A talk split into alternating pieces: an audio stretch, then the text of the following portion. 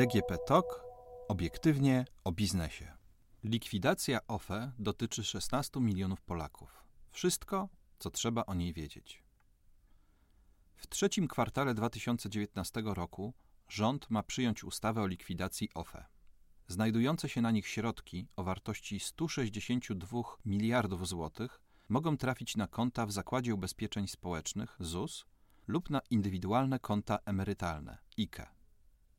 OFE, czyli Otwarte Fundusze Emerytalne, powstały w wyniku reformy emerytalnej z 1999 roku. Jej głównym założeniem było to, że wysokość emerytury przestała zależeć wyłącznie od wieku i stażu pracy, ważniejsza stała się wartość wpłacanych składek. Poza składkami do ZUS pracownicy zaczęli część pieniędzy odkładać w prywatnych powszechnych towarzystwach emerytalnych. Państwowy ubezpieczyciel nadal miał wypłacać bieżące świadczenia ze swojej części składek od pracujących i przedsiębiorców, a na ich kontach jedynie zapisywać należność na poczet przyszłej emerytury. Z kolei OFE otrzymaną część składek miały pomnażać, umiejętnie inwestując je na rynku, a dostawały niemało. Bywały lata, że rocznie trafiało do nich ponad 22 miliardy złotych. Sytuacja zmieniła się w 2014 roku. Wówczas pieniądze Polaków zgromadzone w OFE zostały przeniesione do ZUS, a następnie umorzone. Nie oznaczało to jednak likwidacji OFE. Ubezpieczeni dalej mogli je tam gromadzić. Zaufanie do funduszy jednak spadło i przez ostatnie lata niewielu Polaków decydowało się na odkładanie tam pieniędzy na emerytury. Wciąż jednak trzeba pamiętać, że likwidacja OFE będzie dotyczyła 16 milionów Polaków. Co zatem zrobić z OFE? Rząd wpadł na pomysł i postanowił OFE po prostu zlikwidować, a zgromadzone tam pieniądze zwrócić właścicielom. Mogą one trafić na nasze konto w ZUS albo na indywidualne konta emerytalne.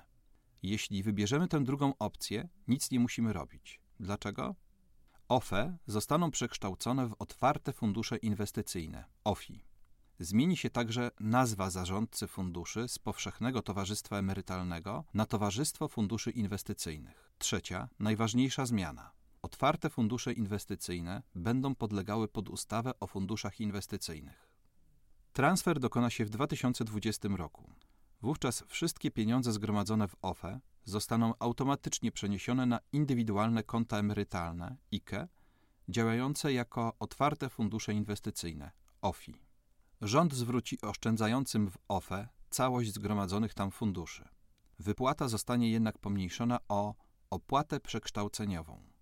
Wyniesie ona 15% sumy i trafi do Funduszu Rezerwy Demograficznej. Zostanie ona pobrana w dwóch ratach po 7,5% w 2020 i 2021 roku.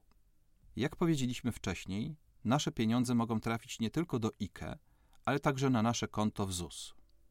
Tego transferu nie dotyczy opłata przekształceniowa, ale za to jest podatek. Emerytury wypłacane przez ZUS są opodatkowane według skali PIT stawkami 18 i 32%.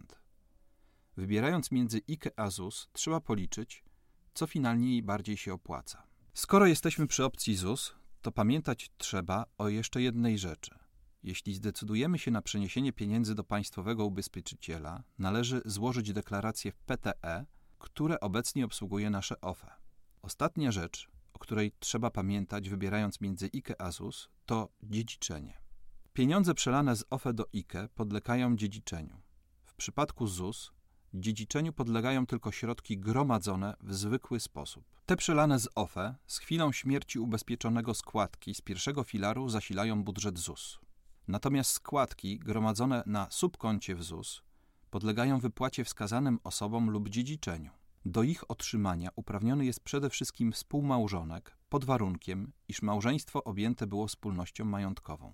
Na koniec coś, co dla wielu może się wydać atrakcyjne. Choć w obu przypadkach dostęp do pieniędzy otrzymujemy dopiero po przejściu na emeryturę, to w przypadku IKE można wypłacić od razu całą sumę.